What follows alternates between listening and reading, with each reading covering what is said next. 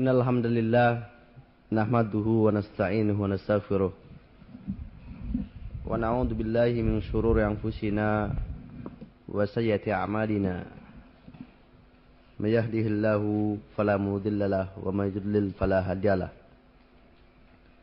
أشهد أن لا إله إلا الله وحده لا شريك له وأشهد أن محمدا عبده ورسوله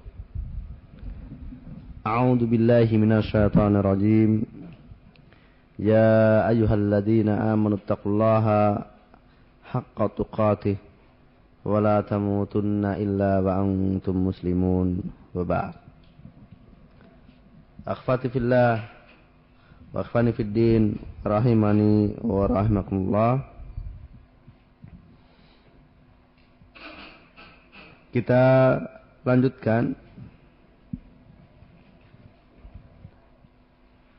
penjelasan tentang kitab Al-Wajibat dan pada sore hari ini kita akan masuki tentang penjelasan yang berisi dalil-dalil tentang syarat-syarat la ilaha illallah dari kitab Allah Ta'ala dan sunnah Rasulnya Sallallahu Alaihi Wasallam.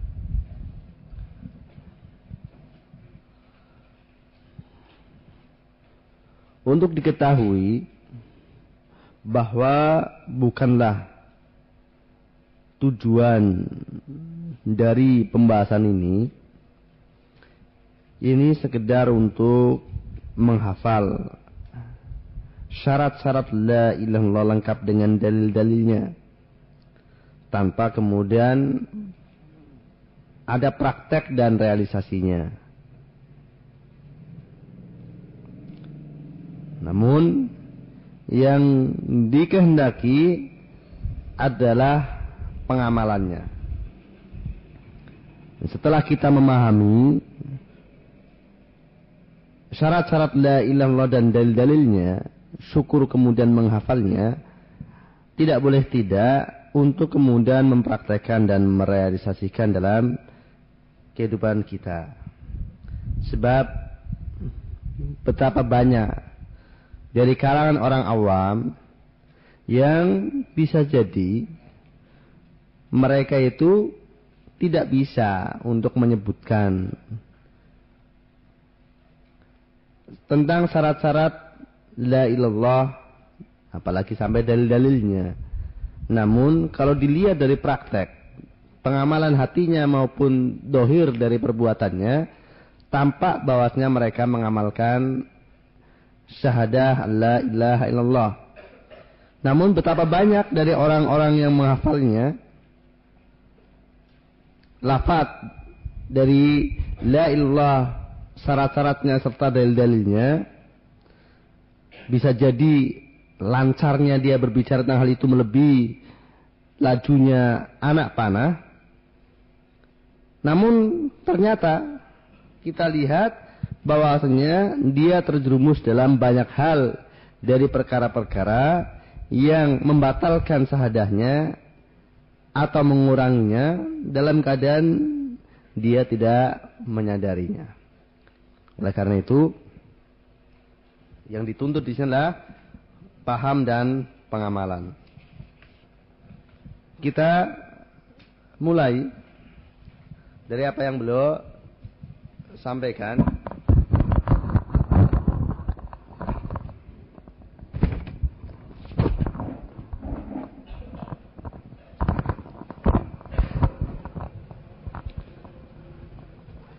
Beliau sampaikan adilatu hadis syuruh min kitabillahi ta'ala wa min sunnati rasulillahi sallallahu alaihi wasallam. Dalil-dalil syarat-syarat tersebut. Karena kemarin sudah kita bicara tentang syarat-syaratnya secara global. Belum dengan dalil-dalilnya. Dari kitab Allah Ta'ala dan sunnah Rasulullah Sallallahu Alaihi Wasallam.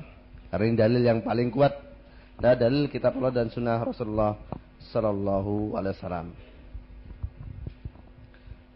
Yang pertama, dalilul ilmi qaulu ta'ala fa'lam annahu la ilaha illallah Wa qawluhu illa man syahida bil haqqi ay bila ilaha illallah wa hum ya'lamun biqulubihim manatiqu bihi alsina alsinatuhum Yang pertama, dalil al ilmu. Apa itu ilmu yang dimaksud di kemarin? Ya. Yaitu didul apa? Didul jahal. Lawan dari jahal. Yaitu ma'rifatus say alama wa alaihi atau ma'rifatul huda bidalili. Artinya maksudnya dia mengetahui tentang makna la ilaha illallah. Sesuai dengan kenyataan makna la ilaha illallah. Itu apa? La ma'buda bihaqin ilallah. Bukan la ma'buda mawjudun ilallah dan bukan la al-qadir al-ikhtira'i ilallah. Tapi la ma'buda bihaqin ilallah. Itu yang benar. Itu yang dia ketahui maknanya. Nafyan wa isbatan. Artinya dia paham bahwasanya tidak ada sembahan di sana selain Allah Taala dan bahwasanya sembahan itu hanya Allah SWT semata. Itulah dari makna la ilallah. Nah dalilnya beliau sampaikan adalah fa'lam annahu la ilallah. Berimulah bahwasanya tidak ada sembahan yang hak selain Allah Taala. Di sini syahidnya adalah tatkala Allah berfirman fa'lam. Ini syahidnya. Di mana Allah mewajibkan untuk mengilmui la ilallah. Bahkan ilmu tentang la ilallah itu merupakan asraful ilmi ilmu yang paling paling mulia. Maka diperintahkan secara khusus oleh Allah Taala, "Fa'lam annahu la ilaha illallah."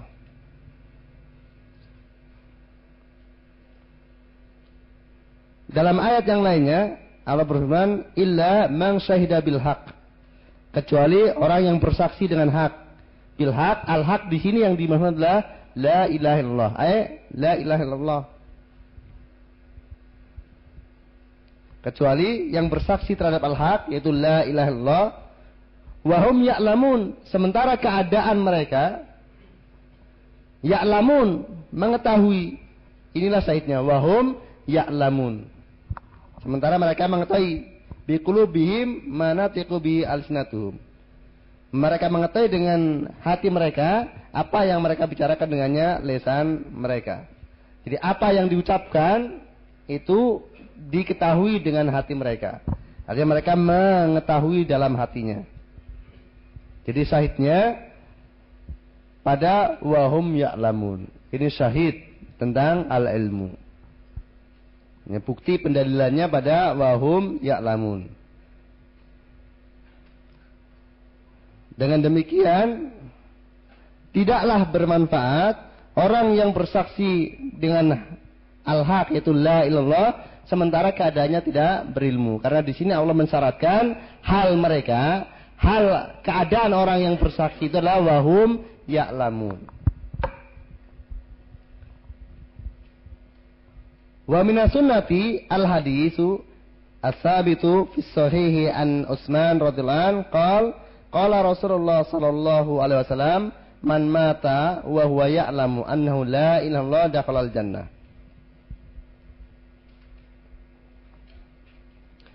Dan di dalam sunnah Rasul dalam hadis yang sahih dari Nabi Sallallahu Alaihi Wasallam dari sahabat Utsman bin Affan radhiallahu beliau berkata telah bersabda Rasulullah Sallallahu Alaihi Wasallam barang siapa yang mati sementara keadaan dia mengilmui bahwasanya tidak sembahan yang hak Allah maka pasti dia masuk surga. Syahidnya atau buktinya pada wahwa ya'lamu. Man mata wa huwa ya'lamu. Barang siapa yang dia mati wa huwa ya'lamu. Sementara halnya ini mau hal keadaannya itu tatkala dia mati dia ya'lamu. Dia mengilmui tentang apa yang dia ilmui la ilallah. Bahasanya tidak ada sembahan yang hak selain Allah taala dakhalal jannah. Maka pasti dia masuk surga. Nah, kepastian dia masuk surga ima dia masuk surga ibtidaan, artinya langsung masuk surga tanpa diadab terlebih dahulu atau dia diadab terlebih dahulu karena dosa-dosanya, tapi pasti akhirnya dia masuk surga.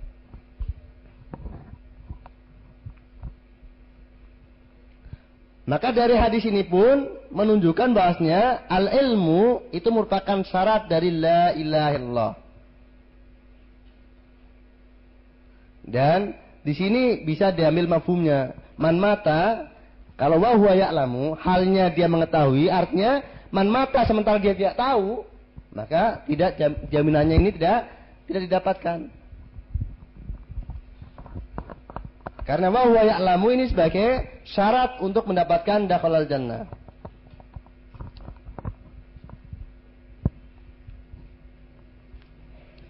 Maka kalau dia mati sementara keadaannya tidak mengetahui makna la ilallah, maka jaminannya pun tidak ada. Karena dakhalal jannah ini diberikan kepada yang man mata wa huwa ya'lamu.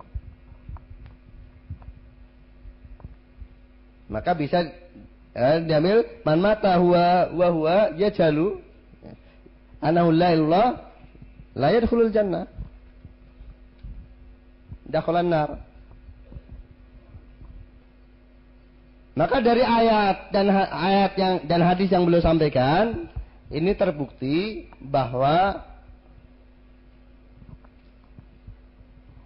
al ilmu itu merupakan syarat diterimanya la ilaha illallah dan apabila al ilmu, al ilmu itu merupakan syarat, maka hilangnya syarat tersebut, maka hilangnya masrut. Tidak adanya syarat, maka tidak berlakunya al masrut itu la ilaha illallah.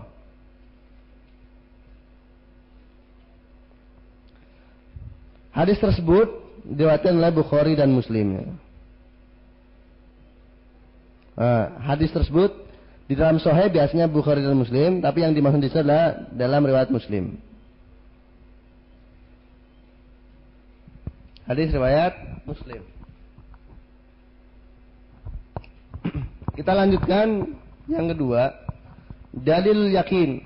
Apa itu yakin? Apa kemarin yakin? Eh? Kamalul ilmi. Jadi ilmu waziyadah kesempurnaan ilmu. Itulah yakin.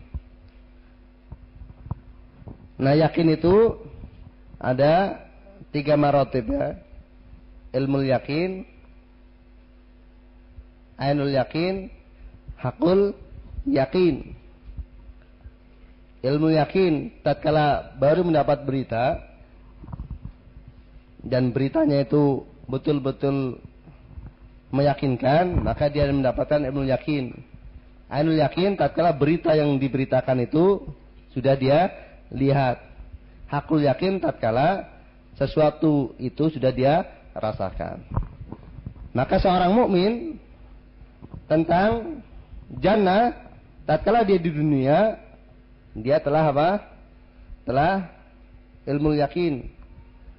Telah di akhirat tatkala surga itu sudah didekatkan maka dia ainul yakin. Kemudian tatkala dia sudah masuk surga, maka dia sampai hakul yakin. Nah, yang dimaksud di sini adalah ilmu yakin, yaitu kamalul ilmi. Kesempurnaan ilmu. Lawannya apa? Syak, waret, ya. ragu dan bimbang. Kalau al ilmu tadi lawannya apa? Al jahal. Baik jahal murakab maupun jahal basit. Al yakin lawannya syak waraib. Wa yakin qalu ta'ala innamal mu'minuna alladzina amanu billahi wa rasulihi thumma lam yartabu wa jahadu bi amwalihim anfusihim fi sabilillah ulaika humus shadiqun. Fastarata fi sidqi imanihim billahi wa rasulihi kaunuhum lam yartabu ay lam yasukku fa ammal murtabu fa huwa minal munafiqin. Beliau sampaikan dalil tentang yakin yaitu firman Allah taala innamal mu'minun hanyalah orang-orang yang beriman itu alladzina amanu billahi wa rasuli yaitu mereka yang beriman kepada Allah dan rasulnya summa lam yartabu kemudian mereka tidak ragu-ragu wajahadu bi amwalihim anfusihim Kemudian mereka berjihad di jalan dengan harta mereka dan jiwa mereka fisabilillah. di jalan Allah, ulaika humus shadiqun. Mereka lah orang-orang yang jujur. Fastaratu sinqi imanihim, maka di sini Allah mensyaratkan tentang kebenaran iman mereka billahi wa rasulihi terhadap Allah dan Rasulnya kaunuhum lam yartabu. Itu tatkala keadaan mereka itu lam yartabu tidak ragu-ragu. Ay lam yasuku artinya tidak ragu tidak bimbang. Famal murtabu bahwa minal munafikin. Adapun orang-orang yang ragu maka dia termasuk dari kalangan orang-orang munafik jadi sudah dijelaskan oleh saya tentang wajud dalalah dalam ayat ini. Itu apa? Tatkala Allah Taala mensyaratkan kebenaran iman mereka, ulaika musadiqun, sidik dalam apanya? Di dalam iman mereka, benar dalam iman mereka kepada Allah dan Rasulnya, tatkala summa lam yartabu. Itu tatkala mereka tidak ragu-ragu. Nah itulah siapa? Itulah yang sadiqun, yang benar imannya. Ulaika humus sadiqun. Jadi hanya mereka yang dikatakan benar imannya. Itu yang tidak ragu-ragu. Artinya, kalau kemudian mereka ragu-ragu, maka bukanlah mereka orang-orang yang jujur imannya. Yang tidak diterima imannya karena tidak jujur. Maka pengakuan Allah SWT kepada kebenaran iman mereka hanya berlaku bagi yang beriman kepada Allah dan Rasulnya semalam yartabu. Kemudian tidak ragu-ragu.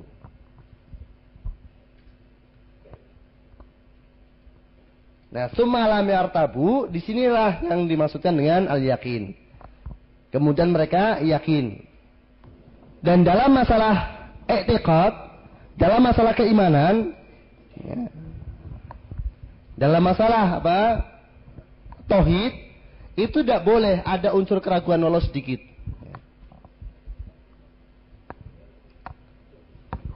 Jadi tidak boleh don, maka don dalam masalah keimanan ini masuk dalam kategori ragu-ragu. Yang jelas harus sampai taraf yakin. Jadi tidak ada apa dugaan walau sedikit.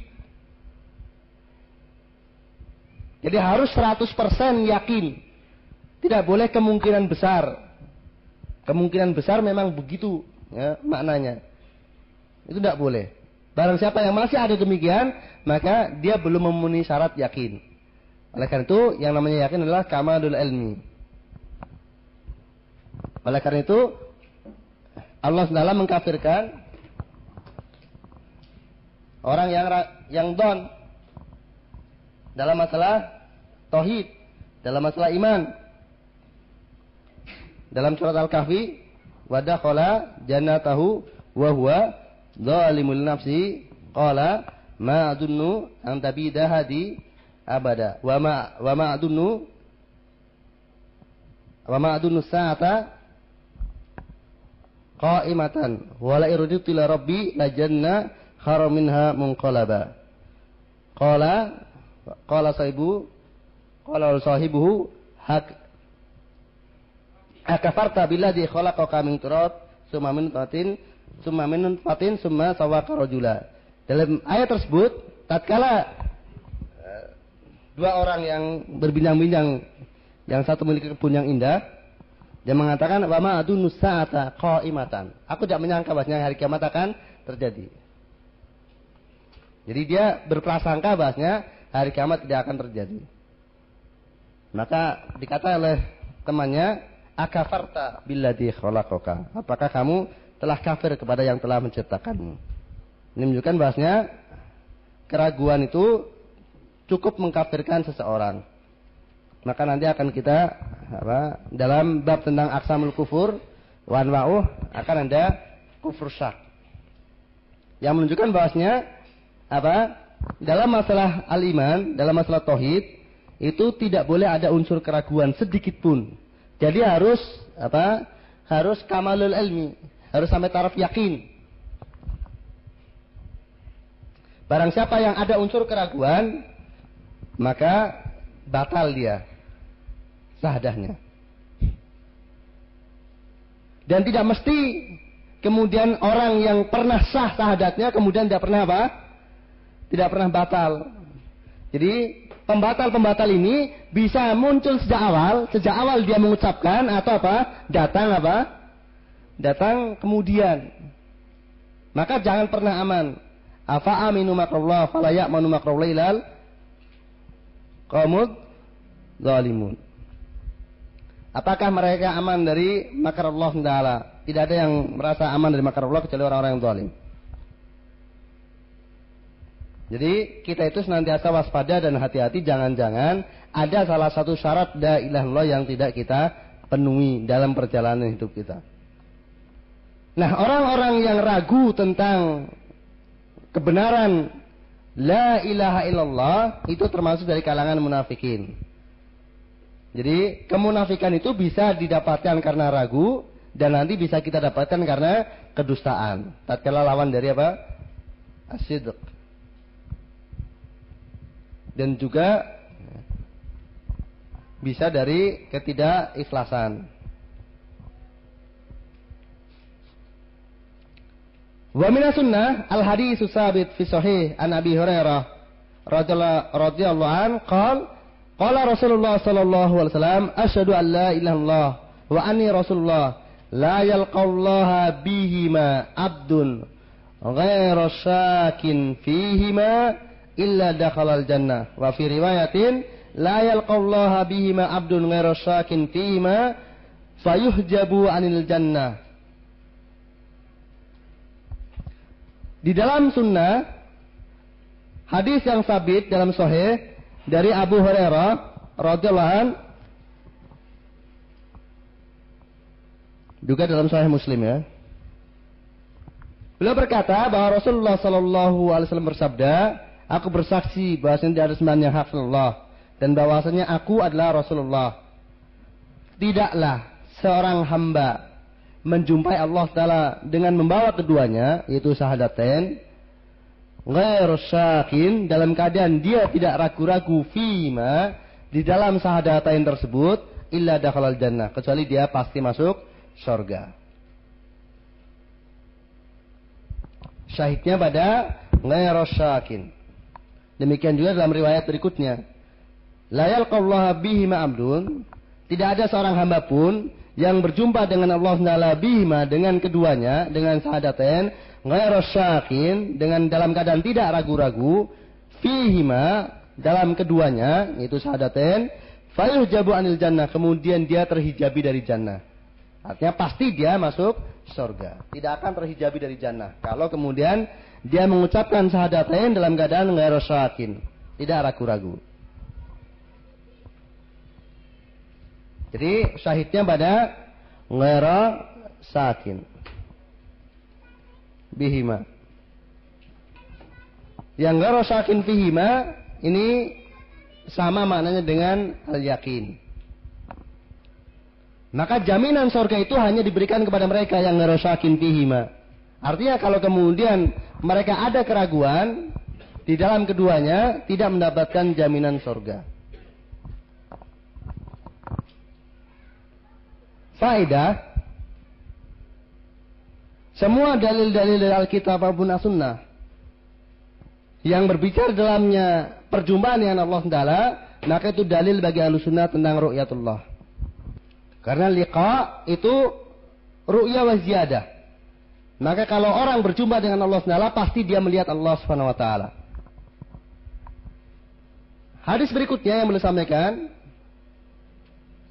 Wa Nabi Hurairah radhiyallahu an aidha min hadisin tawilin man laqita min warai min warai min mar'a min mar'a hadal haid yashadu an la ilaha illallah mustayqinan biha qalbuhu fabashirhu bil jannah. Dan dari Abu Hurairah juga semoga Allah meridhoinya dalam hadis yang panjang Rasulullah sallallahu alaihi wasallam bersabda, "Man laqita siapa yang kau jumpai min hadal haid dari balik dinding ini ya syahadu alla ilallah sementara dia bersaksi bahwa tidak ada sembahan yang hak selain Allah mustaqinan biya qalbu yang persaksiannya itu dasari oleh keyakinan hatinya. keyakinan dia terhadapnya dari dalam hatinya. Fabashirhu bil jannah. Maka kabarkan berita gembira kepadanya dengan surga. Syahidnya mana? Mustaiqinan biha qalbu. Dalam Sahih Muslim juga ya. Yang berikutnya. Wadalilul ikhlas. Apa itu ikhlas? Singkatnya ifradul haq bil qasdi wa ta'ah. Jadi mengesahkan al-haq yaitu Allah Taala di dalam tujuan dan ketaatan. Jadi kehendak dia, tujuan dia dan ketaatan dia hanya semata-mata untuk Allah Taala. Itulah al-ikhlas. Lawannya apa? Asyirk. Al-ikhlas al-munafil syirk. Yang menafikan sikap syirik, mendua. Mensekutukan Allah SWT. Dalilnya beliau bawakan, wa dalilul ikhlas, qalu ta'ala, ala lillahi dinul khalis. Wa qalu subhana wa ma umiru illa liya'budullah mukhlisina lahudina hunafa. Dalilnya adalah firman Allah Ta'ala, ketahuilah hanya untuk Allah ad-din al-khalis. Agama yang khalis, yang ikhlas. Yang murni. Yaitu murni dari syirik. Dan firman Allah SWT, wa ma umiru illa liya'budullah mukhlisina lahudin. Tidaklah mereka diperintahkan kecuali hanya untuk beribadah kepada Allah semata, mukhlisin alahuddin dengan mengikhlaskan bagi Allah ad-din, hunafa. Dengan dia berpaling dari syirik menuju tauhid atau berpaling dari sunnah Allah dan hanya menghadap kepada Allah Subhanahu wa taala. Syahidnya sangat jelas ya. Ala lillah ketahuilah hanya untuk Allah. Karena sesuatu yang mestinya di di belakang ditaruh depan yufidul apa? Al hasar. Lillahi ad-dinul khalis. Jadi ad-din yang bersih dari syirik itu hanya untuk Allah Taala.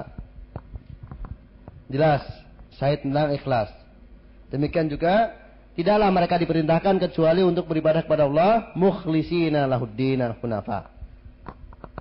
Mukhlisina lahuddin hunafa ini takkid dari mukhlisina lahuddin. Ibadah kepada Allah disyaratkan apa? Al-ikhlas. Wa min sunnah al-hadis as-sabit fi sahih an Nabi Hurairah radhiyallahu an an Nabi sallallahu alaihi wasallam as'adun nasi bisafa bisafaati man qala la ilaha illallah khalisan min qalbi aw nafsihi.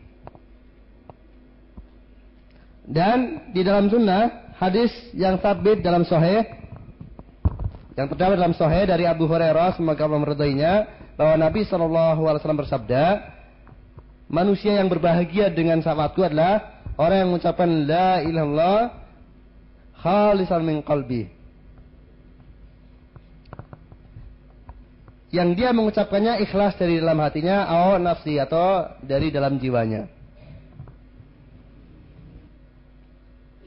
Dalam Sahih Bukhari ya.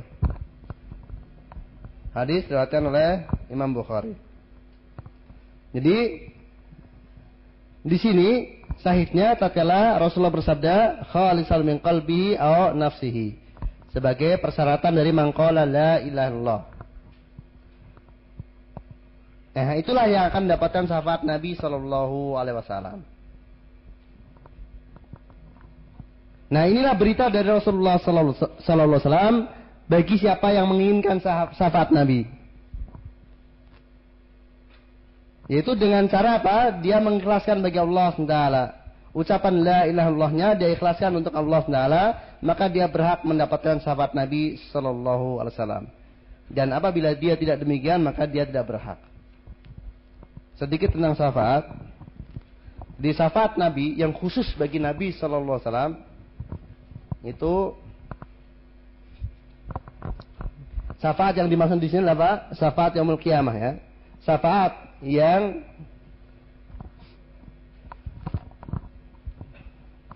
dimaksudkan dalam Alkitab maupun As-Sunnah yang di mana adalah syafaat yaumul qiyamah.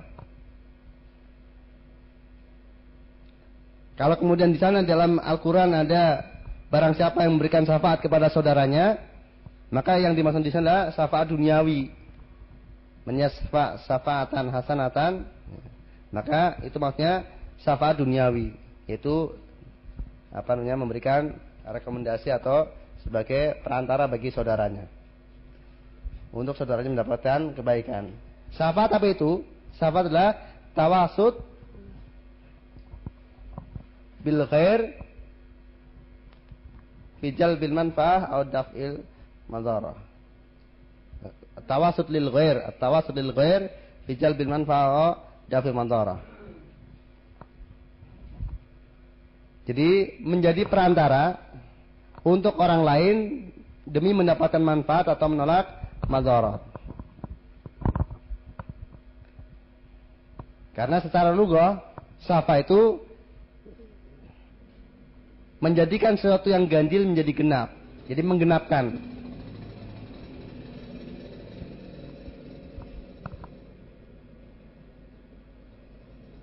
Maka syafi itu adalah berfungsi menggenapkan. Kalau kemudian seseorang dia kan apa? Dianya sendiri ingin untuk apa? Terhindar dari api neraka.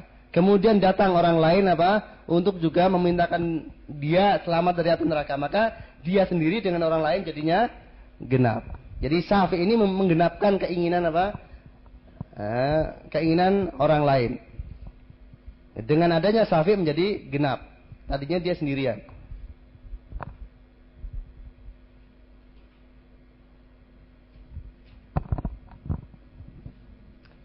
Nah syafaat itu tadi saya sampaikan yang khusus bagi Rasulullah Sallallahu Wasallam di Yaumul. Yang pertama syafaatul utma atau syafaatul kubra. Itulah al-maqam al-mahmud yang dijanjikan oleh Allah Subhanahu Wa Taala dalam ayatnya.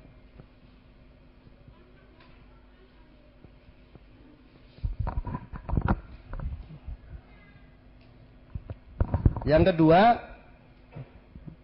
paham ya syafa al-kubra atau al-udma? Itu syafa bagi manusia di apa? Di alul di apa? Padang Masar. Syafaat bagi ahli mauqif. Bagi manusia seluruhnya. Yaitu syafaat untuk supaya Allah segera memutuskan putusan bagi mereka. Supaya mereka tidak terlalu lama menanti putusan Allah SWT. Putusan hukum dari Allah Subhanahu wa taala. Maka berlaku untuk manusia seluruhnya. Karena keputusan Allah bagi orang mukmin dan orang kafir. Maka orang kafir pun menikmati syafaat ini. Yang kedua adalah syafaat bagi ahli jannah untuk bisa masuk surga.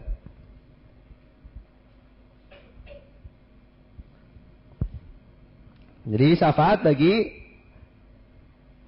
kaum mukminin yang mereka berhak masuk surga untuk bisa masuk surga karena pintu surga tidak akan terbuka sehingga Rasulullah sallallahu alaihi wasallam memasukinya. Di pintu surga akan terbuka pertama kali untuk Rasulullah sallallahu alaihi wasallam. Dengan demikian ahlul jannah tidak akan masuk surga kecuali setelah dibuka untuk Rasulullah sallallahu alaihi wasallam. Yang ketiga adalah syafaat bagi pamannya Abu Talib. Ini orang kafir satu-satunya yang mendapatkan syafaat Rasulullah SAW secara khusus. Adapun ahlul mauqif tadi seluruh orang kafir. Kali ini orang kafir khusus yang dia mendapatkan keringanan adab karena syafaat Nabi Shallallahu Alaihi Wasallam. Itu yang khusus milik Rasulullah Sallallahu Alaihi Wasallam. Kemudian ada lima model syafaat yang lainnya yang tidak khusus milik Rasulullah Sallallahu Alaihi Wasallam milik beliau dan juga milik yang lainnya bagi para malaikat, para nabi dan juga kaum mukminin. Yaitu yang pertama syafaat bagi ahlul jannah untuk naik derajatnya di surga.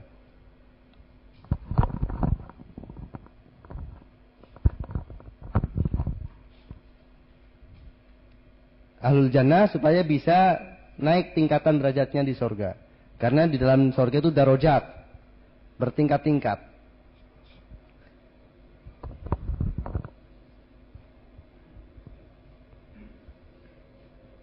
Yang satu tingkat dengan tingkat berikutnya ya bisa jadi seperti seorang memandang bintang-bintang yang ada di langit, sangat jauh. Yang kedua, syafaat bagi orang yang sama timbangan amal jeleknya dan amal baiknya untuk masuk surga. Yang ketiga, syafaat bagi orang mukmin yang sudah ditetapkan untuk masuk neraka, artinya setara timbangan amal, dia mestinya masuk neraka karena amal jeleknya lebih banyak untuk tidak jadi masuk neraka. Yang ke empat, syafaat bagi ahlu nar untuk keluar dari api neraka. Ini syafaat bagi orang mukmin yang dimasukkan ke dalam neraka untuk keluar dari api neraka. Jadi sudah masuk neraka karena syafaat, jadi dia lebih cepat keluar dari api neraka. Yang ke lima, ini syafaat untuk bisa masuk surga tanpa hisab dan tanpa adab. Untuk bisa masuk surga tanpa hisab dan tanpa azab.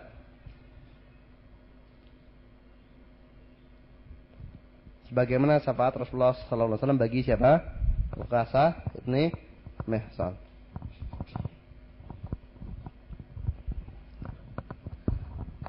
Dan syarat bagi syafi orang yang memberikan syafaat dia harus mendapatkan izin dari Allah SWT. Dan tidaklah Allah memberikan izin kecuali kepada ahlu tauhid.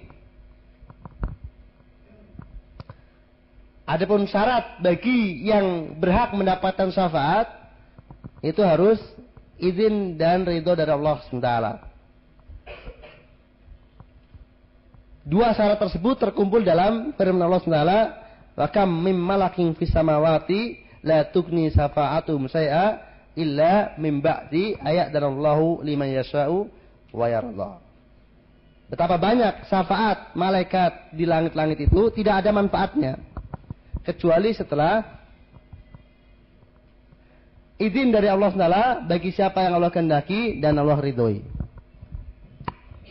Jadi untuk mendapatkan syafaat ada dua syaratnya itu Pak. Izin dari Allah dan ridho dari Allah SWT. Izin Allah bagi syafi dan masuk dan ridho Allah bagi syafi dan masuk. Yang memberikan syafaat dan yang disyafaati. Dan Allah SWT tidak akan ridho kecuali apa? Dia itu ahlu tauhid. Yaitu orang yang mengucapkan la ilaha illallah khalisan min qalbihi aw nafsihi. Ahlul ikhlas. Nah, semua bentuk syafaat tadi ahlul bid'ah pun mengakui kecuali syafaat bagi ahlul nar untuk keluar dari api neraka. Diingkari oleh Mu'tazilah dan Khawarij. Mereka tidak beriman kalau orang sudah masuk neraka itu akan keluar dari api neraka. Siapa yang masuk neraka pasti kekal di dalamnya. Itu akidahnya Mu'tazilah dan Khawarij. Dan itu menyelisi kitab Allah dan sunnah Rasulnya.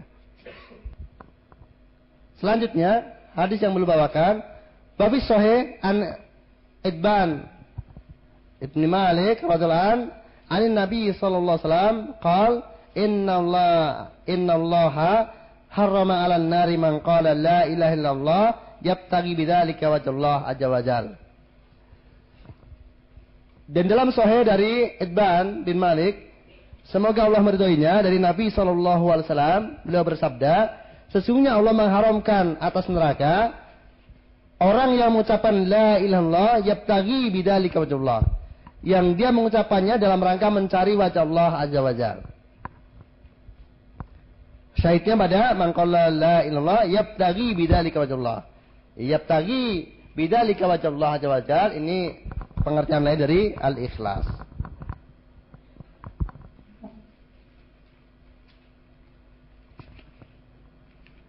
Dalam Sahih Bukhari Muslim. Hadis Sahih Bukhari Muslim.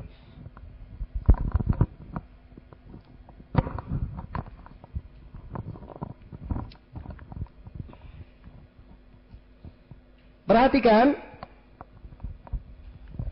syahidnya sudah jelas.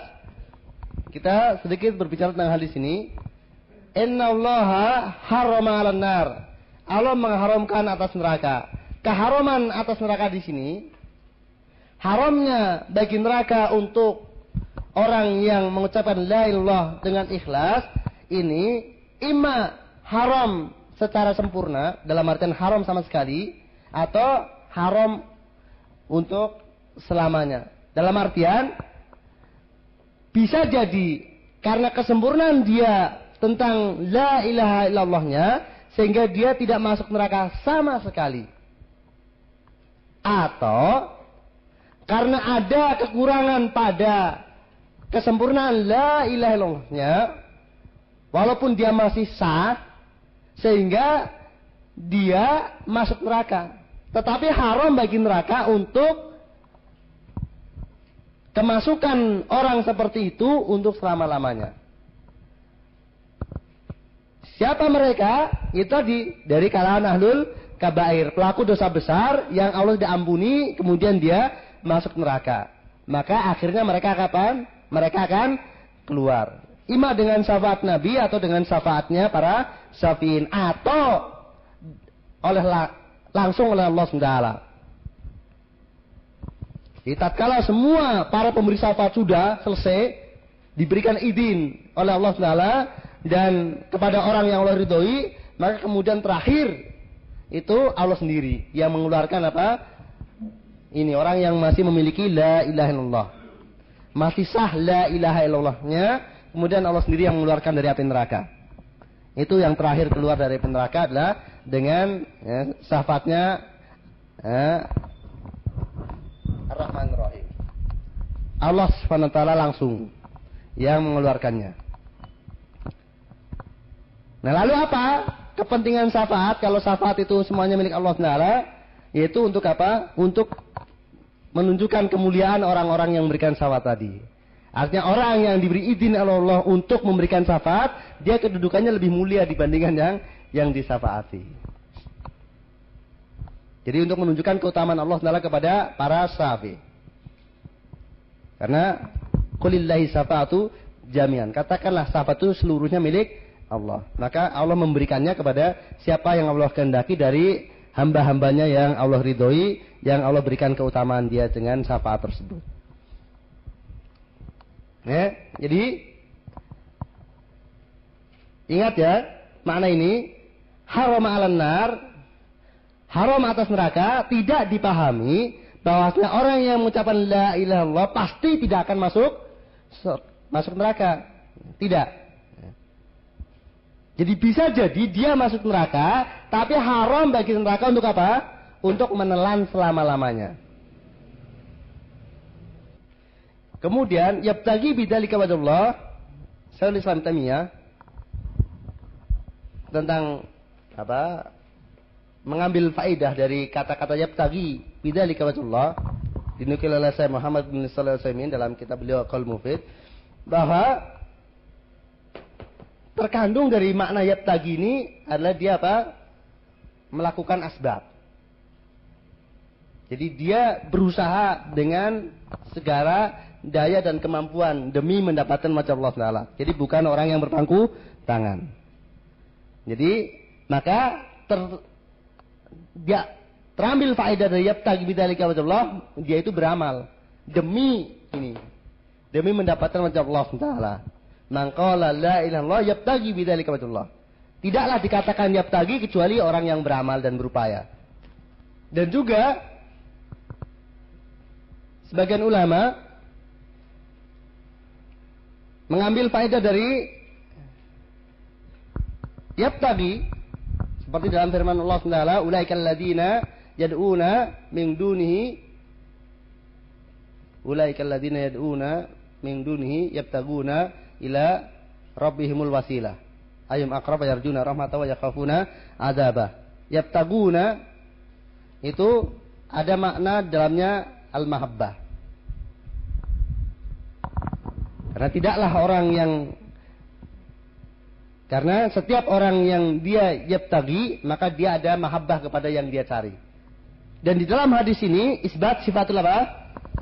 Sifat al-wajh lillah. Sifat wajah bagi Allah Subhanahu wa taala. Bahwasanya Allah Taala memiliki wajah. Hadis berikutnya, walin nasai fil yaumil wal laila fil yaumil wal laila min hadis rajulaini min as-sahaba nabi sallallahu alaihi wasallam man qala la ilallah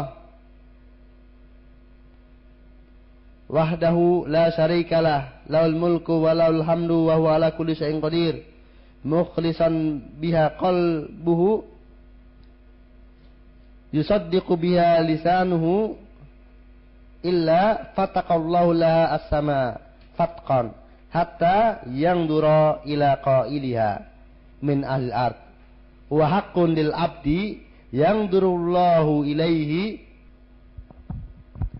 ayyu'tiyahu su'aluhu.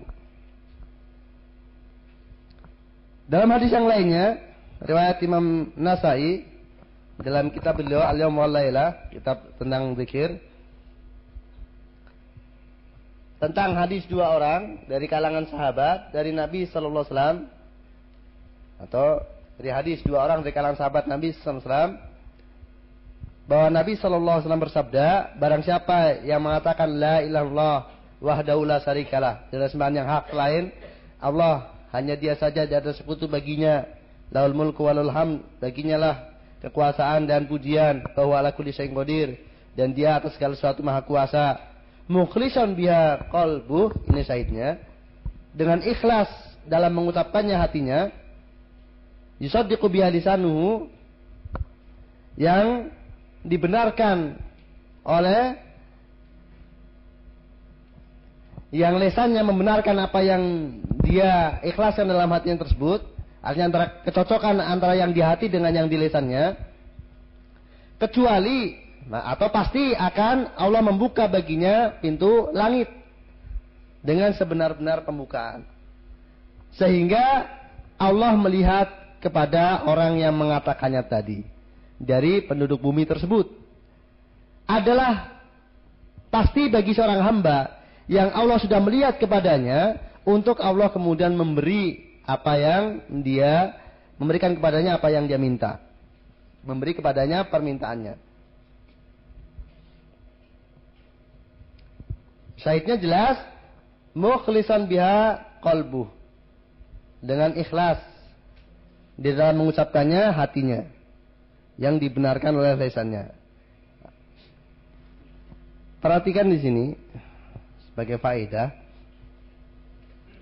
Maka Allah akan membuka baginya atau karenanya untuk ucapan tersebut apa pintu langit sampai Allah melihatnya. Jadi melihat di sini ini melihat yang khusus. Karena penglihatan Allah ada dua, melihat secara umum dan melihat secara khusus.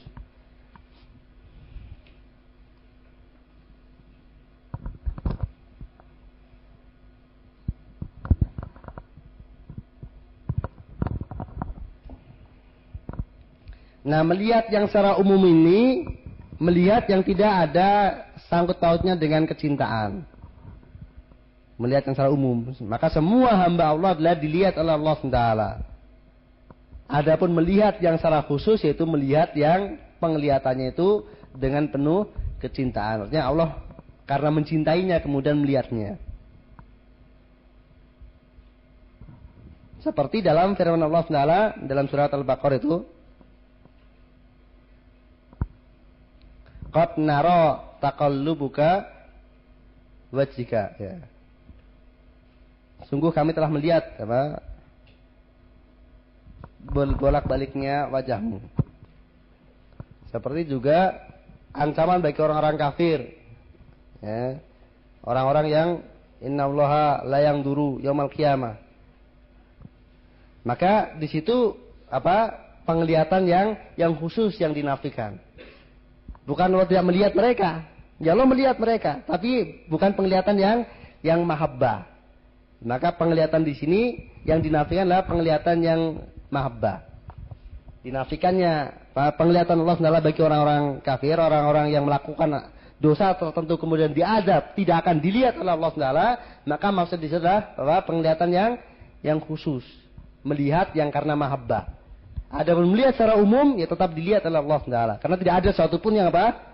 Yang tersembunyi bagi Allah Subhanahu wa taala.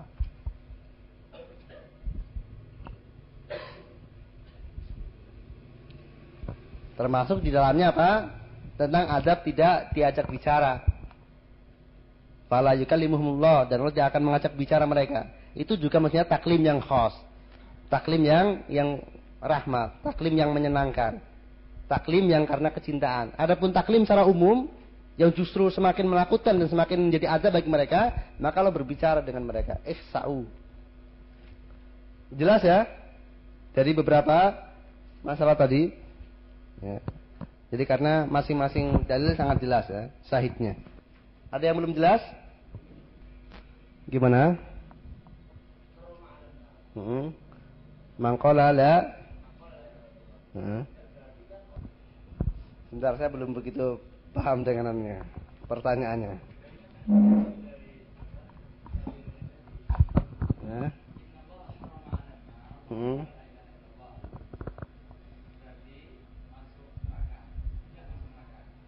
Nah? Nah, nah, hmm. Jadi, ya, kan kita memahami demikian karena banyak nusus yang lainnya. Iya, dari nusus yang lainnya, dari nas-nas yang lainnya, dari dalil-dalil yang lainnya, bahwa ternyata di sana ada orang yang dia mengucapkan la ilaha illallah tapi masuk neraka. Dia mengucapkan la ilaha illallah tapi masuk masuk neraka. Untuk diketahui saja bahwa kelak di yaumil kiamah seluruh apa, meniti sirot itu hanya berlaku bagi siapa? Bagi kaum mukminin. Yang meniti sirot di yaumil kiamah itu hanya kaum mukminin. Dan tidak semua yang meniti sirat itu apa? Selamat. Di antara mereka ada yang jatuh ke dalam neraka. Dan juga hadis yang menunjukkan maksudnya Innallaha akhraja minan nari man kana fi qalbihi mithqala dzarrah minal iman. Atau kama qala Rasulullah SAW. Allah Taala akan mengeluarkan dari dalam api neraka orang yang ada dalam hatinya apa? Seberat darah dari iman. Artinya yang dia masih sah la ilaha illallahnya. Dan bisa antum lihat penjelasan Imam Al-Qayyim rahimahullah bisa dinukil oleh Syekh Abdurrahman al dalam Fathul Majid tatkala beliau membicarakan tentang hadis bitokoh di mana sahibul bitokoh tersebut dia memiliki 99 gulungan dari kemaksiatan dosa-dosa di antaranya ada dosa besarnya.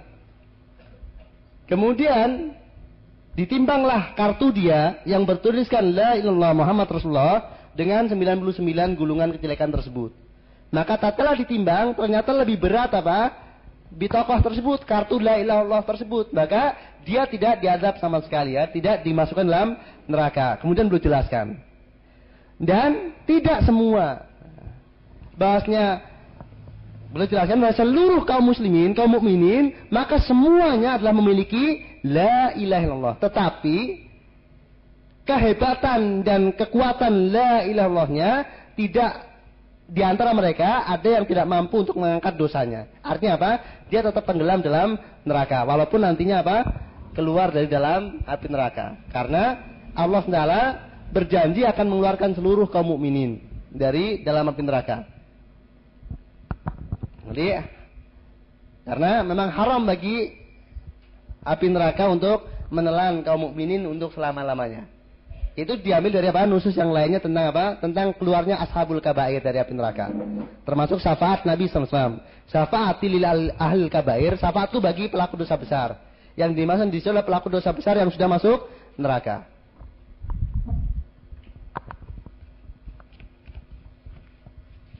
Jadi diambil dari nusus yang lainnya.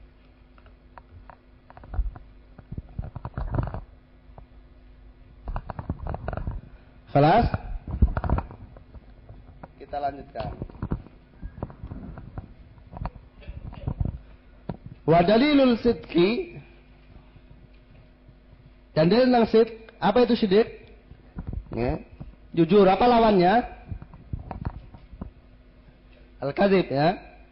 Yang yang menghilangkan sikap apa kalau dia tidak berdosa? Sikap nifak. Sebagaimana tadi sudah saya sampaikan, orang munafik bisa karena dia mengucapkan la ilaha illallahnya tidak jujur atau tidak ikhlas atau apa? Atau ada kera keraguan. Semuanya adalah munafikin. Wa dalilu sidqu wa dalilu sidqi qalu ta'ala alif lam mim. Asiban nasu ayutraku ayaqulu amanna wa hum la yuftanun. Wa laqad fatana alladziina min qablihim fala ya'lamanna Allahu alladziina sadaqu wa la ya'lamanna Allahu wa la ya'lamannal kadzibin. Allah berfirman, Alif Lam Mim. Apakah manusia mengira mereka dibiarkan mengatakan kami beriman sementara mereka tidak diuji dan sungguh kami telah menguji orang-orang sebelum mereka supaya dia Allah mengetahui orang-orang yang jujur dan Allah mengetahui orang-orang yang dusta. Maksudnya di sini tatkala Allah katakan Falayak laman Allahu ladina sodaku. Jadi fitnah, ujian yang diperuntukkan bagi orang-orang yang mengatakan beriman, ini menunjukkan tidaklah semua orang yang mengatakan amanah, yaitu dengan dia mengucapkan asyhadu alla ilallah wa asyhadu anna Muhammad dan Rasulullah, kemudian dibiarkan begitu saja, diterima. Tidak, sehingga mereka diuji. Nah, ujian itu tentunya untuk apa? Untuk membedakan mana yang jujur dan mana yang tidak, mana yang diterima ucapannya dan yang yang tidak. Maka dengan ujian tersebut Allah ingin mengetahui mana yang jujur dan mana yang dusta. Konsekuensinya, mereka yang sudah diketahui Allah sebagai orang yang jujur, yaitu yang lulus dalam ujian, mereka yang diterima keimanannya. Adapun mereka yang kemudian diketahui Allah ternyata dia tidak lulus dalam ujiannya, maka mereka berdus, berdusta. Tentunya mereka tidak tidak diterima. Itu maksudnya.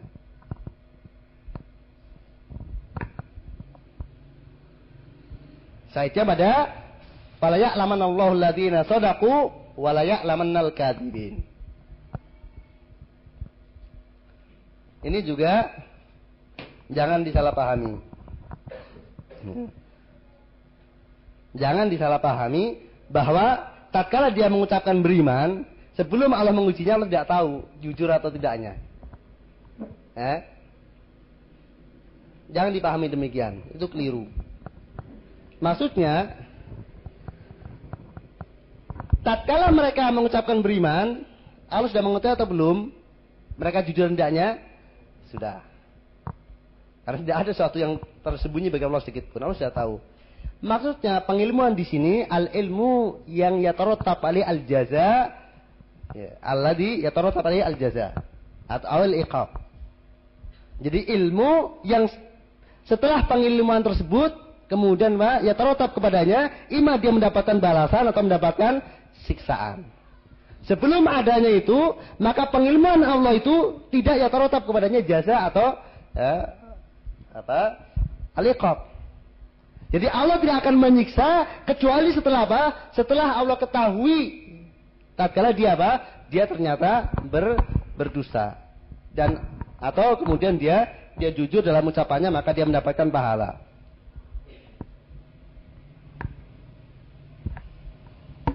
Jadi al ilmu alladhi yatarattab alaihi al jaza. Ilmu yang berdampak dari pengilmuan tersebut balasan. Maka bisa kita maknakan apakah manusia mengira untuk mereka dibiarkan untuk mengatakan kami beriman sementara mereka belum diuji maka sungguh kami telah menguji orang-orang sebelum mereka sehingga dengan demikian Allah kemudian membalas dengan kebaikan orang-orang yang apa? Yang jujur atau Allah menyiksa orang-orang yang berdusta. Dari dampak dari tatkala Allah sudah mengujinya tersebut.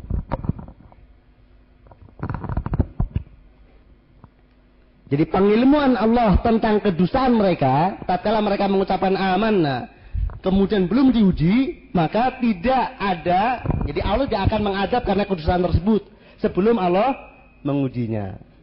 Tatkala Allah sudah mengujinya, kemudian nah menjadi dohir dustanya, menjadi kelihatan dustanya, maka nah pengilmuan Allah yang berikutnya inilah yang ya alaihi al jaza. Bukan berarti bahwasanya Allah tidak mengetahui sebelumnya. Wa qalu ta'ala dalil berikutnya. Firman Allah taala Wa minan nas may yaqulu amanna billahi wa bil yawmil akhir wa ma hum bimumin yukhadi'una Allah wal ladina amanu wa ma yakhda'una illa anfusahum wa ma yash'urun. Fi qulubihim maradun fatadahum Allah marada wa lahum adzabun alim ma kanu yakdibun Allah berfirman di antara manusia mereka ada yang mengatakan amanah kami beriman kepada Allah dan hari akhir. Padahal tidaklah mereka beriman. Mengapa mereka tidak beriman? Karena mereka hendak menipu Allah dan orang-orang beriman. Padahal tidaklah mereka menipu kecuali menipu diri mereka sendiri. Sementara mereka tidak menyadari. Di dalam hati mereka ada penyakit maka Allah tambah penyakit tersebut. Dan bagi mereka adab yang pedih dengan sebab apa yang mereka dustakan karena ini dalil untuk sidak, maka sahidnya pada bimakanu yakdibun. Karena mereka berdusta, maka Allah nafikan iman dari mereka. Wa mahum bimukminin. Jadi walaupun mereka mengucapkan amanna billahi wal akhir, ya dengan mereka mengucapkan asyhadu an la ilaha illallah, asyhadu anna muhammadan rasulullah, itu sebagai pintu untuk orang dikat, dikatakan telah menyatakan beriman, kepada Allah dan hari akhir, maka Allah nafikan dari mereka iman. Wa ma hum bimu'minin. Mengapa? Bima kanu yakdibun. Karena mereka berdusta. Nah, dusta ini adalah lawan dari apa? Fi qulubihim maradun eh syakun. Maradu syak. Penyakit syak, ragu. Karena mereka tidak yakin, mereka ragu, kemudian mereka berdusta dalam ucapannya. Demi apa? Demi menjaga harta dan darahnya.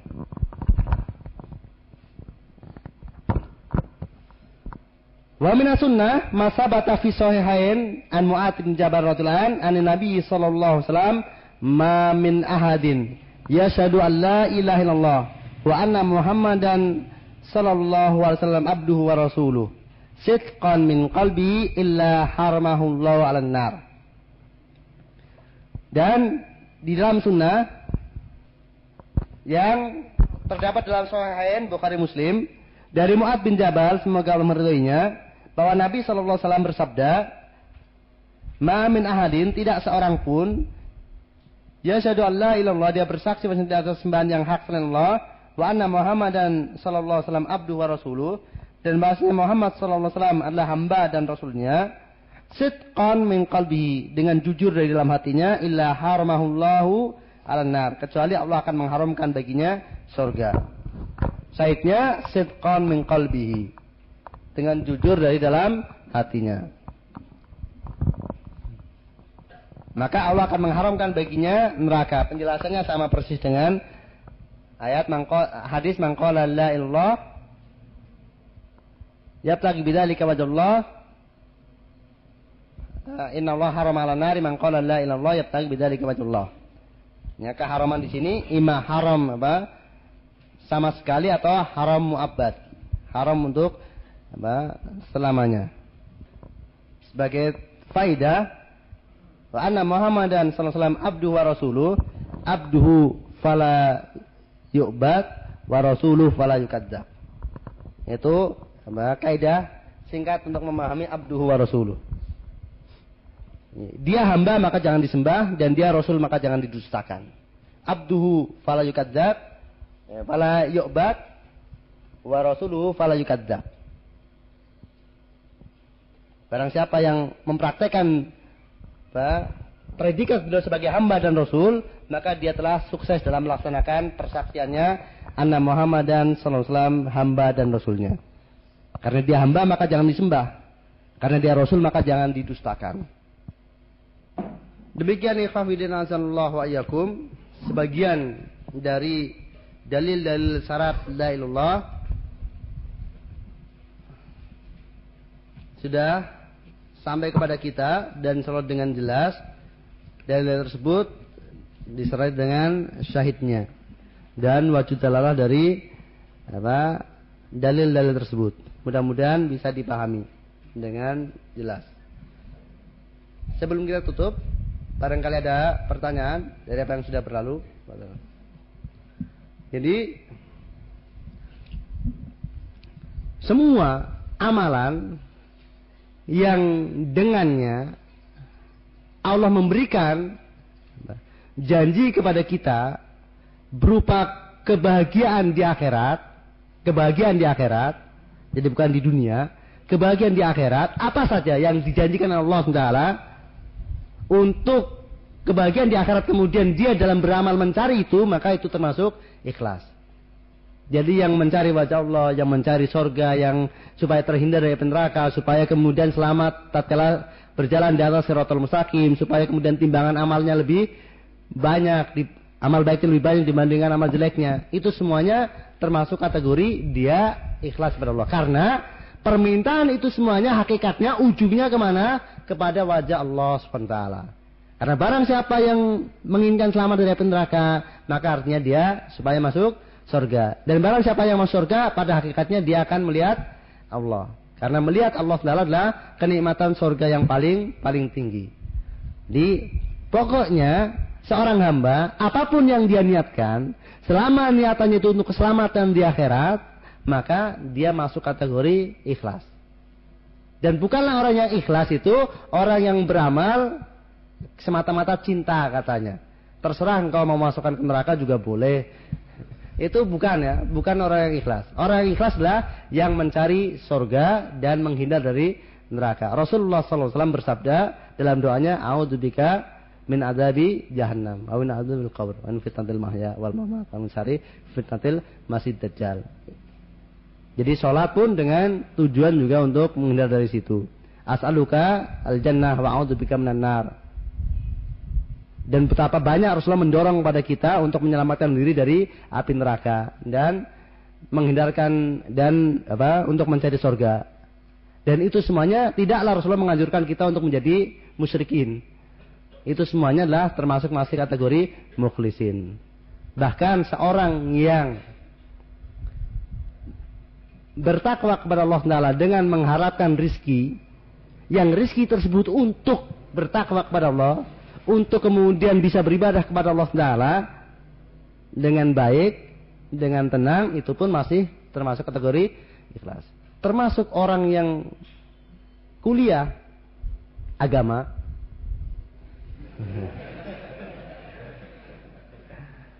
yang dia dengan kuliahnya dalam rangka mencari ijazah, yang ijazah tersebut untuk sarana diterima dalam dakwahnya, itu pun masih dalam kategori ikhlas. Sebab apa? Sekarang sulit untuk berdakwah diterima sementara tidak ngantongi ijazah.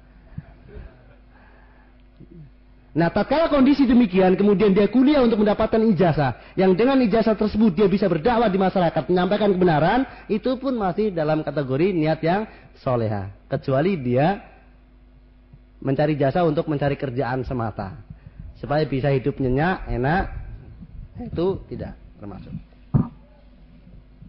Demikian ya. Sekali lagi, barang siapa yang beramal mencari surga atau supaya terhindar dari api neraka, itulah ikhlas. Maka dia jelas orang yang mukhlis. Kelas atau yang lain masih termasuk. Jadi ada pertanyaan apakah termasuk kafir atau munafik orang muslim artinya orang yang bersahadat asyhadu an la ilallah wa asyhadu anna muhammad rasulullah Sementara dia masih ragu terhadap kebenaran Al-Quran, sebagian atau seluruhnya iya. Dia adalah masih orang kafir. Batal keislamannya kalau dia sudah pernah menjadi muslim. Dan kafir sejak asalnya kalau dia tak kalah mengucapannya pun dia masih ragu. Jadi dia belum pernah masuk Islam. Kalau dia pernah yakin atau pernah percaya, yakin kemudian tumbuh keraguan maka menjadi batal dengan keraguannya tersebut. Dan nanti akan kita apa dapatkan dalam nawakitul Islam insyaallah. Orang yang apa menolak sebagian atau seluruhnya dari apa yang datang dengannya Rasulullah Sallallahu Alaihi Wasallam. Tetapi ingat, ini hukum umum ya. Adapun hukum takyin, maka bisa jadi dia nggak tahu apa tuh Al-Quran itu. Jadi ini hukum umum.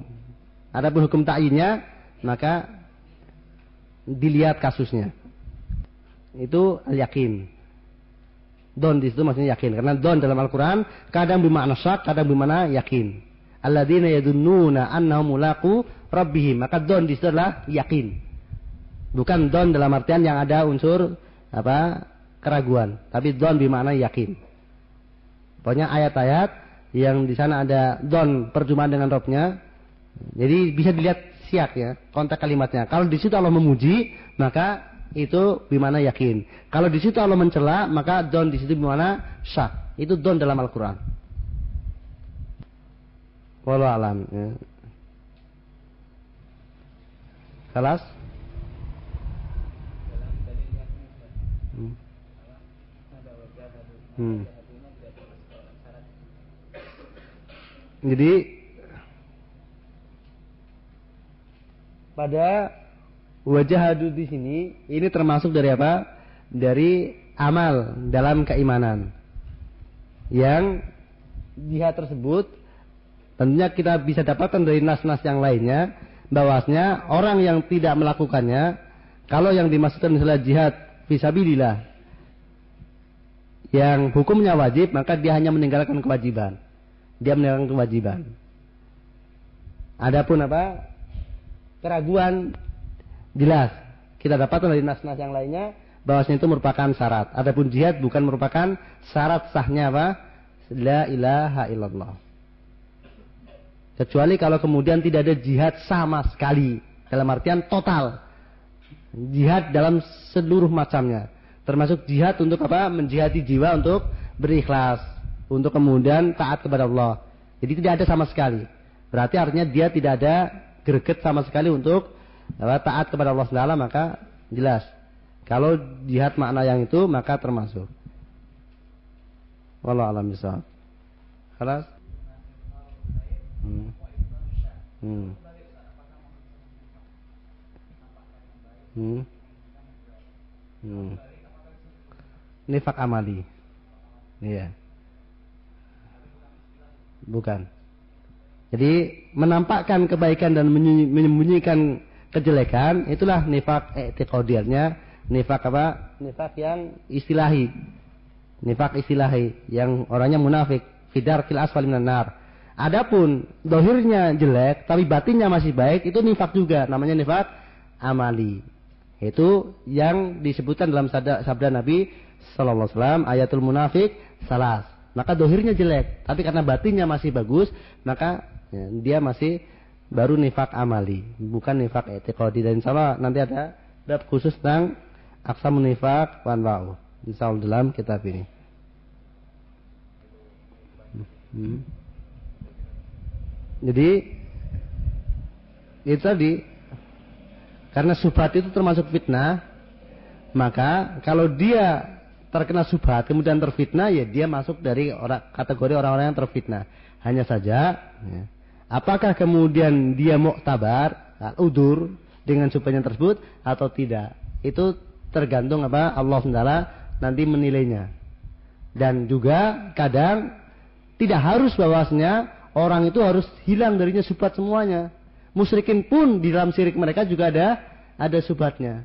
Tapi tidak menghalangi adanya subhat pada mereka untuk mereka tidak menjadi ahlun nar.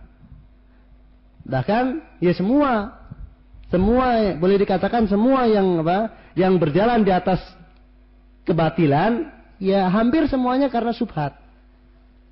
Ima subhatnya muktabar atau tidak muktabar. Jadi tidaklah kemudian setiap orang yang terkena subhat maka dia makfu. Tetapi di sana ada yang terkena subhat kemudian dia makfu. Nah, untuk di dunia maka kembalinya kepada hakim untuk di akhirat ya nanti Allah Subhanahu wa taala ya sendiri akan menilai. Di dunia bisa hakim menerima apa? subhatnya dalam artian dia dimaafkan karena subhatnya tersebut atau tidak. Itu dia yang yang melihat. Ini sekali lagi bahwasanya orang yang kafir karena subhat atau orang yang terkena subhat sehingga dia melakukan salah satu dari bentuk kekafiran, maka ada yang kemudian dia teruduri, artinya dia termaafkan karena subhatnya, dan ada yang yang tidak. Allah alam Kita cukupkan sampai di sini dan mudah-mudahan Allah Taala senantiasa memberikan taufik dan dayahnya kepada kita untuk tetap istiqamah dalam tafakufiddin karena itu merupakan sebab yang paling besar yang mengantarkan kita untuk selamat di dunia wal. Subhanakallahumma wa bihamdika asyhadu an la ilaha illa anta astaghfiruka wa atubu ilaik. Assalamualaikum warahmatullahi wabarakatuh.